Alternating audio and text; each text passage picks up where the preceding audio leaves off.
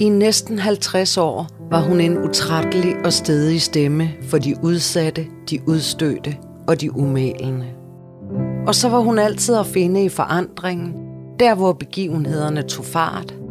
På møderhjælpen, i den allerførste narkotikaafvænding, på Christiania, i arbejdet for de grønlandske indsatte i Hersted Vester Fængsel, og ikke mindst i radioen, hvor unge for alvor fik en stemme.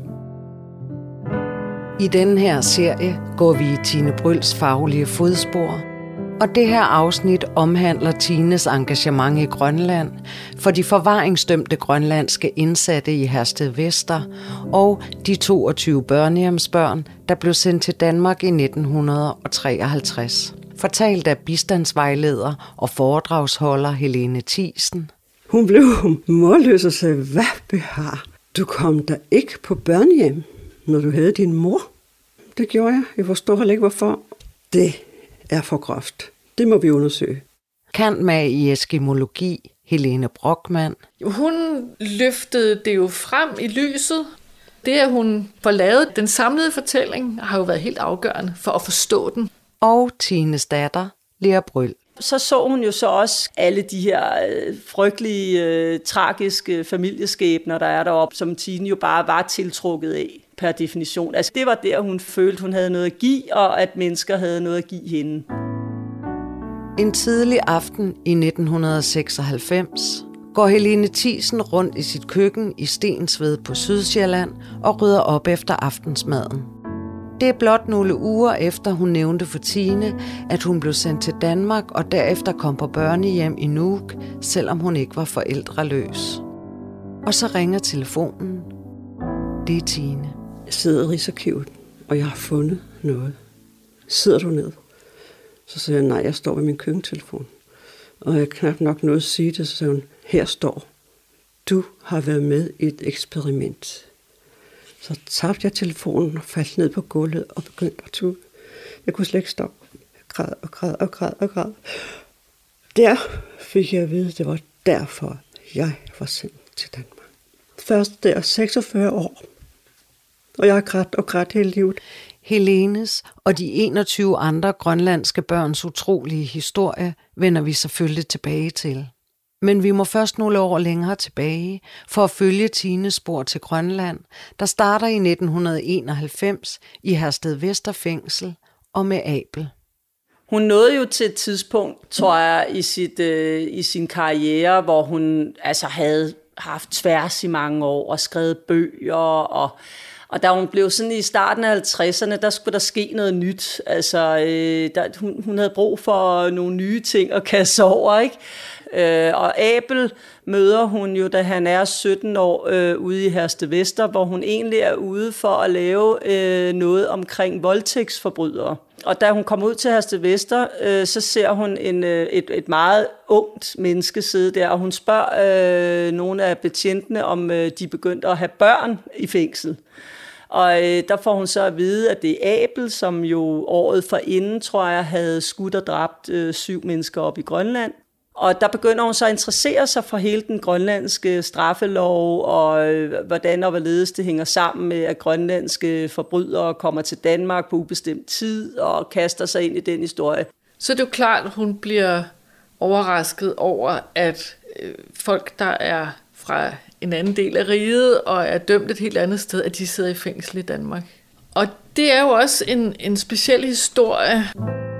For at forstå, hvorfor der på det her tidspunkt i 90'erne sad grønlændere i Hersted Vester Fængsel flere tusind kilometer væk fra deres miljø og deres familier – må vi starte helt tilbage i kolonitiden, hvor den danske øvrighedsrepræsentant, kolonibestyren i de enkelte samfund, var både politimand og dommer i de mindre forseelser, der var i de små kolonier dengang.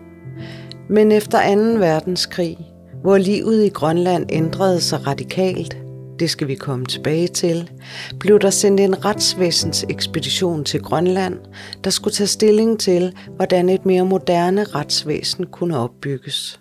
Og de fik så lavet en, en rapport, som så blev til den første øh, kriminallov for Grønland, og den hedder kriminallov og ikke straffelov, fordi noget af det vigtige var, at man ikke straffede folk. Altså man, man, straf giver ikke mening, fordi man traditionelt ikke kunne undvære folk. Man kunne ikke sætte dem ind i et eller andet sted, hvor de var, øh, ikke, ikke kunne øh, tage ud og fange og fiske og skaffe sig deres egen øh, føde og sådan noget så det hørte så med til det, at fængsler hørte jo ikke til i den tankegang. Så man lavede tre anstalter, som så var åbne og meget åbne, fordi pointen var, at man skulle anbringes et sted, hvor man så skulle være om natten, så man ikke, altså man skulle have snor i folk, men de skulle så gå ud på arbejde om dagen. Øh, så sker der så bare det, at man nogle gange så kommer ud for, at folk gør noget, som bare er så slemt, at man siger, den her person kan vi ikke rumme i det her system. Og så blev løsningen så, at dem kan man sende til Vester, hvor man i Danmark anbringer dømte, som enten er meget personfarlige kriminelle, eller har en psykisk øh, lidelse, som de skal behandles for i virkeligheden. Og der sad de så, disse grønlandske fanger, og Tine lagde bogen om voldtægtsforbrydere til side. Hun havde fundet en vigtig sag at kaste sig over. Hun havde indtil det her tidspunkt arbejdet med unge mødre, narkomaner, rødvilde unge og afvigere af enhver art på Christiania. Men med hendes egne ord havde hun aldrig i sit liv mødt mennesker så glemte, så selvudslættende og uden male som de forvaringsdømte grønlandere. Mennesker, der bar deres forbrydelser med skam, og i princippet var næsten glemt af alle, både i Grønland og i Danmark dengang var Grønland jo noget meget, meget perifert for det er en meget stor del af den danske befolkning, og for de danske politikere. Det var slet ikke et politikområde på den måde, som det er i dag. Og i Grønland har man jo nok øh, tænkt, at vi har vigtigere problemer at tage os af. Altså, hvis du står i et samfund med masser af andre udfordringer, arbejdsløshed og sociale problemer, og så er de folk, som har begået voldtægter og manddrab og sådan noget, måske ikke dem, man sådan øh, bekymrer sig mest om. Men det gjorde Tine Bryl så. I 1992 udkom bogen De Nederste, der beskrev, hvordan de grønlændere, der havde begået alvorlig kriminalitet, blev straffet dobbelt hårdt, fordi de blev fjernet fra deres familie og kultur. Og kort tid efter fulgte bogen Abel, om drengen, der 1. januar 1990 skød og dræbte syv af sine kammerater, og som blev idømt forvaring på ubestemt tid. En dom, der skulle revurderes hver andet år. Fordi hun så havde mødt den, den pågældende fyr i Vester og lært ham at kende, og, og sådan øh, sat sig ind i hans sag og så videre, så tog hun op for at overvære en af de der forlængelsessager, og blev så chokeret over, at det var overstået på ja, syv minutter, eller hvor meget det var, ikke? Og så fandt hun jo også ud af, at de folk, der skulle behandle sagerne, det er jo meget små samfund, vi snakker om, så, så nogle gange var det jo den samme dommer, som havde dømt personen til anbringelse i til Vester, som så skulle tage sagen op igen. Det var måske oven i købet også den samme anklager. Det var nogen, som havde nærmest været vidne til det, de anbragte havde gjort, og som måske synes, at ah, det, altså en personlig øh, skepsis over for at få den her fyr hjem igen. Og det havde hun jo fuldstændig ret i at påpege, at, at der var nogle, nogle menneskerettighedsproblemstillinger øh, i det, og noget juridisk, nogle juridiske problemer i det, som der var alt mulig grund til lige at kaste et spotlys på. Det er vigtigt at understrege, at det var principperne i domsfældelse og anbringelse, Tine satte lys på. Hun undskyldte aldrig de dømte grønlænderes forbrydelser, heller ikke Abels. Men ikke desto mindre gav hun ham en ny chance, et liv og en familie.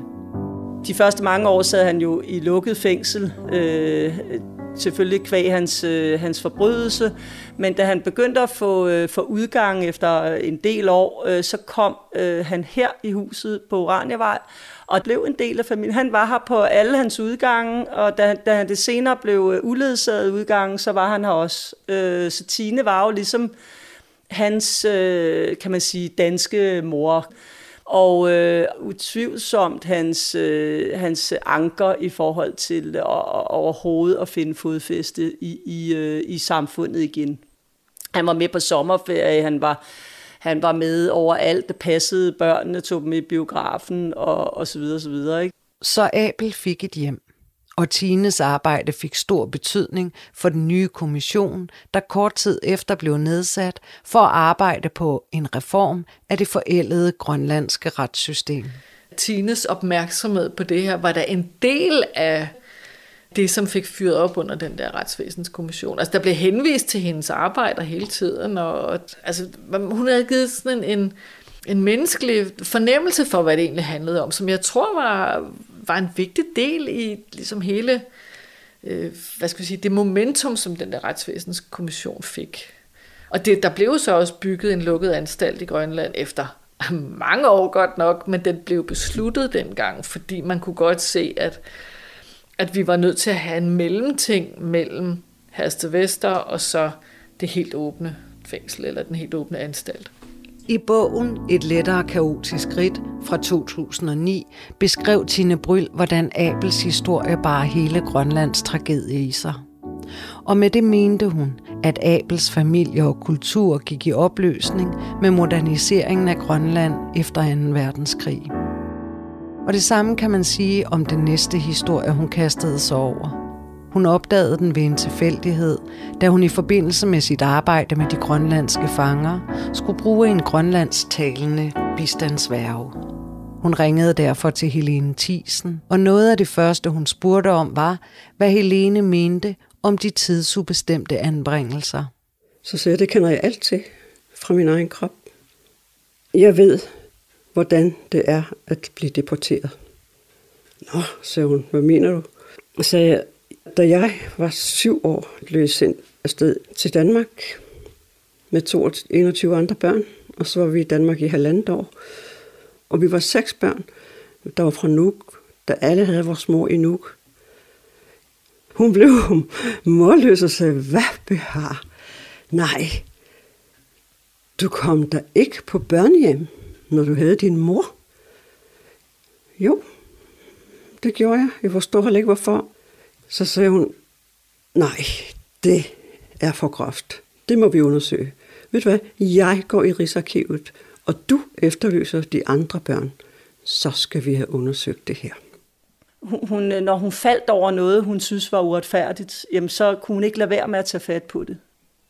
Altså hele den undren, hun har over, hvordan Danmark har kunne bilde sig nogle ting ind, uden at, at øh, løfte et øjenbryn over det, kan man sige. Ikke? Altså det, det tror jeg, hun var dybt forundret over at opdage. Altså vi, der tror, vi bor i et land, som har været flinke i ved altid, det har vi bare ikke været, og vi har set igennem fingre med nogle, nogle forbrydelser, der er sket. Den uhyggelige historie om de 22 grønlandske børnehjemsbørn starter i 1946, hvor en større dansk pressedelegation rejser til Grønland og rapporterer hjem om fattigdom, tuberkulose, elendige boliger og et lige så elendigt skolesystem. Frem til begyndelsen af 50'erne var det jo typisk øh, altså kirkeligt uddannede, som var lærere for børnene. Det var sådan en helt gammel landsbyskole tankegang med, at det, man skulle lære, det var ligesom katekismen, og så kunne læse i den, og lidt købmandsregning. Der nedsættes en kommission, og i 1950 vedtages nyordningen for Grønland med otte nye love, blandt andet skoleloven, hvor der slås fast, at der skal lægges vægt på dansk undervisningen. I en uskøn forening af offentlighed og private velgørende organisationer besluttes det så at flytte en lille gruppe grønlandske børn til Danmark for at uddanne dem. Sådan så de kan vende hjem og være kulturel elite, bannerfører i den her udvikling. Og så tænker man, hvem, hvem vil det være oplagt at, at, at sende afsted på sådan et projekt? Jamen det kan jo være nogle børn, som er forældreløse, som ikke har, den, altså, som, som ikke har en familie, som de kommer til at savne eller er knyttet til. Og så kan vi ligesom slå to fluer med et smæk. Vi kan hjælpe nogle forældreløse børn, og vi kan få lavet den her kulturelle fortrop. Og så bliver der sendt nogle medarbejdere rundt, som skal finde de her forældreløse børn. Øh, og de kan bare ikke finde nok forældreløse børn. Og så, så skrider det lidt med de der kriterier. Så når okay, så kigger vi også lidt efter nogen, som måske bare mangler en forælder, og hvor den tilbageværende forælder sidder lidt hårdt i det, og og så er man sådan ude og, og høste lidt og snakke med nogle familier og fortælle dem, at altså, reklamere for, at, at vi vil give dit barn en, en særlig mulighed for at komme med her. Jeg husker, der kom to fremmede høje hvide mænd, danske mænd. Og øh, jeg mener, der var en tolk med, for ellers havde min mor ikke forstået noget. Og så spurgte de, hvem af dine tre børn er den kvikkeste? Fordi vi, leder, vi har haft landsrådsmøde og fundet ud af, at kolonien skal jo lukkes, og så bliver det under Danmark, og så skal grønlanderne lære mere dansk. Så derfor skal de sende omkring 20 intelligente børn til Danmark. De kom nogle gange, fordi de første to gange sagde hun nej. Og tredje gang, så sagde hun så, ja, så må det være Helene. Hun kommer hjem igen. Det sagde de, det kunne jeg også høre. Hun kommer hjem igen. De, de fik sådan en fornemmelse af, at, at, at deres børn fik en chance af en eller anden slags, og så pludselig var deres børn øh, taget med til Danmark, og skulle ikke bare være afsted i en sommerferie, men et helt år. Og det er et land langt, langt, langt væk. Man skal sejle mange dage. Mere fik vi ikke rigtig at vide, i hvert fald ikke også børn, men jeg ved heller ikke, hvor meget min mor fattede, der lige mistede sin mand i januar. Ikke? Vi har jo aldrig fået fortalt om Danmark, hvorfor skulle vi det? Vi havde vores lille by, hver sin lille by over vores land. Fra stuen og gangen, der kunne vi se op på fjellet, og så den anden side, der kunne vi se mod Nordlandet.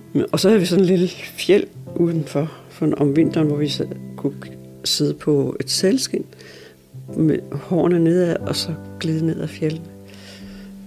Så når vi kom for neden, så snurrede vi rundt og væltede. og, så, og så glædede vi ned for selskab, så vi havde et dejligt område, naturen lige udenfor. Det er mens Helene suser på sælskin ned ad det lille fjeld sammen med sine søskende og venner i slutningen af 40'erne, det fra dansk side besluttes, at der skal sættes strøm til Grønland. I bogen Et lettere kaotisk skridt fra 2009 konstaterede Tine Bryl. Danskerne gider ikke at høre om Grønland. Det er en alt for besværlig historie. Og med det mente hun, at moderniseringen efter afslutningen af 2. verdenskrig var en uskøn affære, på trods af alle gode intentioner. Den store vision fra, fra dansk side, tror jeg var meget velment. Et oprigtigt ønske om at løfte Grønland ind i en modernitet, en civilisation, som kunne måle sig med, med den, vi har i Danmark. Og så skulle det altså åbenbart gå så enormt hurtigt, at man ikke ligesom havde tid til at oplære en, en fornuftig mængde af grønlandske håndværkere. Og det samme med sundhedsvæsenet, og det samme med administrationen, og det samme med skolevæsenet. Og så på den måde, så blev det jo lidt til, at, at grønlænderne blev lidt tilskuere til, til alt det her. I dag ved vi jo godt, at forskellige folk har forskellige kulturer, forskellige berettigelser og hviler i sig selv i, og har en, en, en, en kerne, som er deres, og som der er alt mulig grund til at respektere og understøtte, hvis, hvis det er nødvendigt. Ikke? Men, men dengang, så, så havde man jo en meget Altså, man synes bare, at, at det var øh, upraktisk for grønlænderne at være grønlænder. Det var upraktisk for dem at være fanger i et, i et moderne samfund, fordi fangerlivet bare ikke genererer ret mange penge. Altså, det er jo svært at leve af. Det var også upraktisk at snakke grønlandsk, fordi du kunne ikke komme videre på, på videregående uddannelser i Danmark og sådan noget, hvis du kun snakkede grønlandsk. Så det var sådan en, en, sådan en, en meget øh, nytte orienteret måde at se det på, på en, øh, i dag vil vi sige, totalt misforstået måde, men, men sådan tænkte man bare dengang. Og så er det, man er igen bedste mening, ligesom lægger alle kræfterne i at undervise børnene i dansk. Og det er her, de 22 grønlandske børn kommer ind i billedet. Kriterierne skred, men til sidst fik man samlet en gruppe intelligente børn, der skulle sendes til Danmark. En gruppe, hvor langt de fleste havde en forælder tilbage. Og i foråret 1951 lagde det store skib MS Disco til kaj i Nuuk. Vi stod i kolonihavnen i Nuuk, og vores mødre stod heroppe, og vi skulle ned ad en stor, stor stentrappetrin, og ned en lille robåd, hvor der sad en mand og satte to af os ad gangen ud til det store skib, vi næsten ikke kunne se. Og så kiggede vi bare Jeg kunne ikke løfte min arme. Jeg kunne ikke finde, jeg var så ked af det. Og så sejlede vi bare. Og min mor blev mindre og mindre, og til sidst var hun kun en lille prik, og det store skib blev større og større. Helene Thiesen sejler afsted til Danmark, hvor hun og de andre børn bliver i halvandet år, fordi det tager længere tid end ventet at få børnehjemmet færdigt i Nuuk. Helene var i to plejefamilier, først hos et lægepar, hvor hun havde det forfærdeligt, men derefter kom hun til et højskoleforstanderpar med tre børn, og der havde hun efter eget udsagn og efter omstændighederne en dejlig tid – legede med børnene og blev forkælet af både de voksne og de unge på højskolen. Og så oprandt dagen, hvor de skulle tilbage til Grønland, og børnene, der havde været spredt for alle vinde, samledes foran skibet, der skulle bringe dem hjem. I hvert fald nogen af dem. Og så fik jeg øje på først den ene og den anden, og vi krammede, og især også seks fra nu, der kendte hinanden. Men jeg talte jo ikke efter. Jeg ved ikke, hvornår det gik op for mig, at at vi kun var 16. Og det fik vi først at vide, da Tine begyndte at skrive bogen, at der var seks, der var blevet bortadopteret. Så gik hun ind til Ministeriet for Grønland og undersøgte det, og spurgte til de der adopterede børn, hvorfor blev de bortadopteret?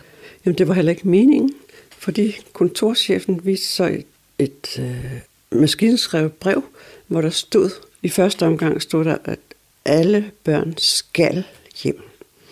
Og så fordi de der seks, der meget gerne vil adoptere, så gjorde hun selv og streget det der skal væk til bør. Så kunne de pludselig adoptere dem væk. Mens vi var på vej til Grønland ud i Atlanterhavet, der gik adoptionerne først i, i orden. Og i mellemtiden havde en af fædrene fra Sisimiut ringet til Red Barnet og spurgt, hvordan har min søn det? Han har det godt. De sagde ikke noget. Velvidende, det lige adopterede ham bort. Det er så groft. De adopterede har været mest ulykkelige, mest uheldige og mest har klaret sig værst i livet. Det er de seks, der bliver adopteret bort. Det er jo grusomt at, at høre om dem og deres liv. Så var en del af projektet jo, altså at flokken egentlig skulle hjem til et børnehjem i Nuuk, hvilket jo også ville have givet rigtig god mening, hvis det var forældreløse børn. Øh, det var det så bare ikke. Og så kom vi så til nu, og der stod så mange mennesker. Fik jeg øje på min mor og min storsøster og lillebror. Og jeg havde min kuffert klar. Så jeg småløb ned ad landgangsbroen og satte kufferten og krammede min mor. Og jeg fortalte og fortalte. Og så tænkte jeg, hvorfor svarer hun ikke? Så kiggede jeg på hende. Så pludselig, så snakkede hun til mig på grønlandsk. Og jeg forstod ikke et kuk. Og ligesom om mit hjerte var ved at gå stå, og tænkte, åh nej, nu kan jeg ikke engang snakke med min mor.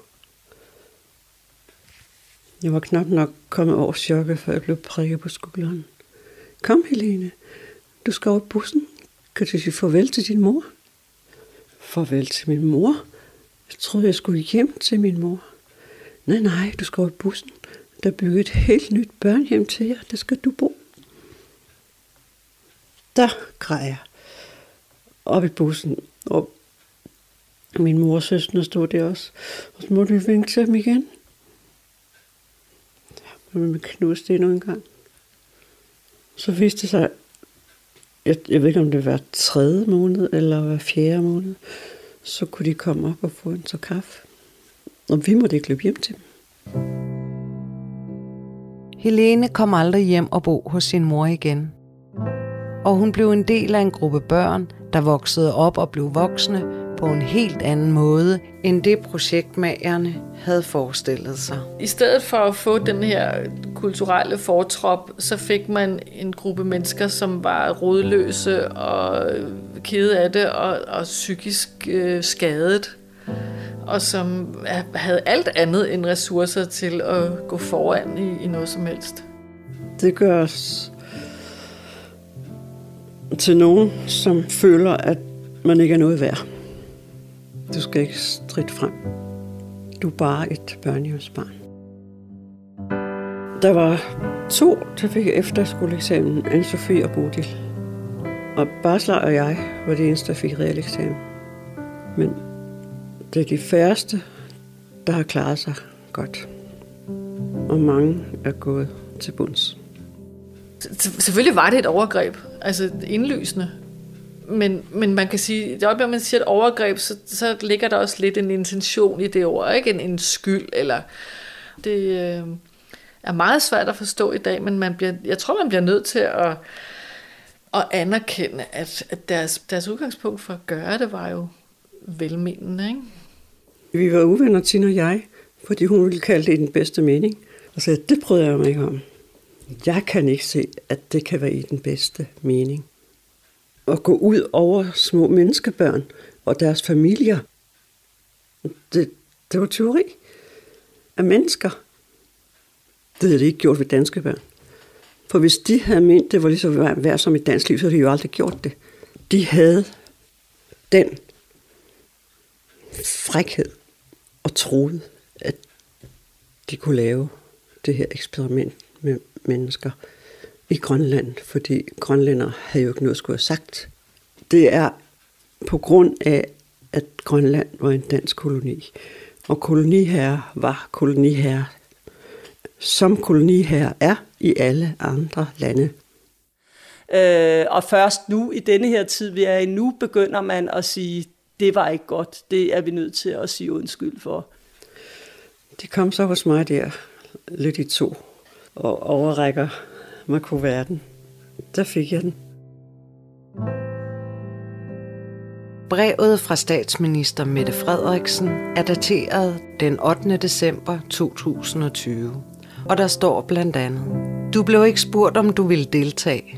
Ingen fortalte dig, hvad der ventede, og de af jer, der vendte tilbage til Grønland, blev endda som en del af forsøget anbragt på børnehjem i Nuuk. I mistede kontakten til jeres nærmeste familie, jeres livshistorie og dermed jeres rødder. Hele det fundament, som et hvert barn, et hvert menneske har brug for at grave på. Det bør ingen børn udsættes for. Jeg kan dårligt forestille mig, hvor ensomt og skræmmende det må have været.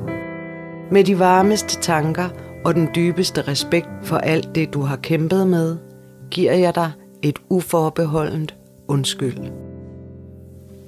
Hold da op en stor dag. Tænk sig, at den kom. Det var så utroligt. Det er så uhyggeligt. En historie, der har præget os 22 børn hele vores liv.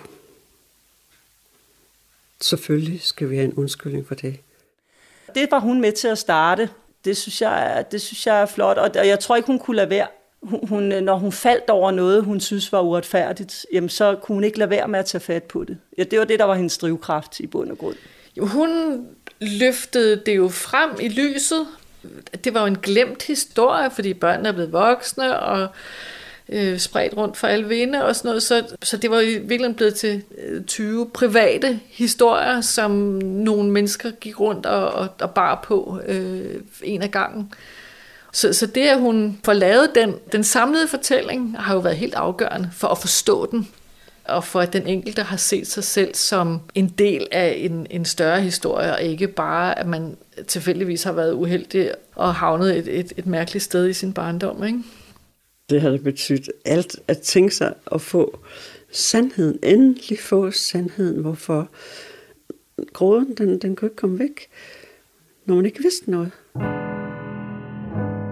Så Tine Bryl var altså helt afgørende for, at sagen om de 22 grønlandske børnehjemsbørn blev gravet frem.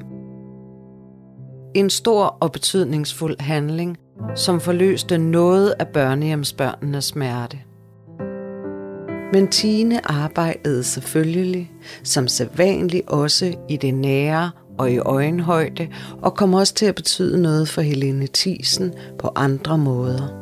Og der var en, en oplæg, hvor, hvor vi boede et sted på en skole, og så siger hun lige pludselig, gå lige holde foredrag. Så jeg aldrig holdt foredrag til Tine. Det tør jeg da ikke. Men det gør du bare, det kan du godt. Du, bare ind. du skal bare fortælle, hvad vi er i gang med, og hvad vi laver. Det ved du jo godt. Så gik jeg ind og holdt foredrag for to klasser. Så jeg blev lige skuffet ind, og døren går op. Værsgo. Så der startede jeg så med at holde foredrag og holde siden. Og Tina smed mig Og hver eneste gang, jeg holdt foredrag lige til hendes død, så ringede hun. Hvordan gik det? Hvordan gik foredraget i dag? Hvad sagde folk også? Ja. Denne podcast er blevet til i samarbejde med Foreningen for uddeling af Tine Bryl-prisen og Trykfonden, som sammen hvert år uddeler Tine Bryl-prisen for at hedre en forening eller organisation, som gør en særlig indsats på det sociale område. Musik Niels Bæk Jessen. Lyd efter bearbejde Peter Egevang. Tilrettelæggelse og klip Gitte Lykkegaard. Interview med Tine Bryl fra 1988, venligst udlånt af Erik Valør og Frank Wilsom.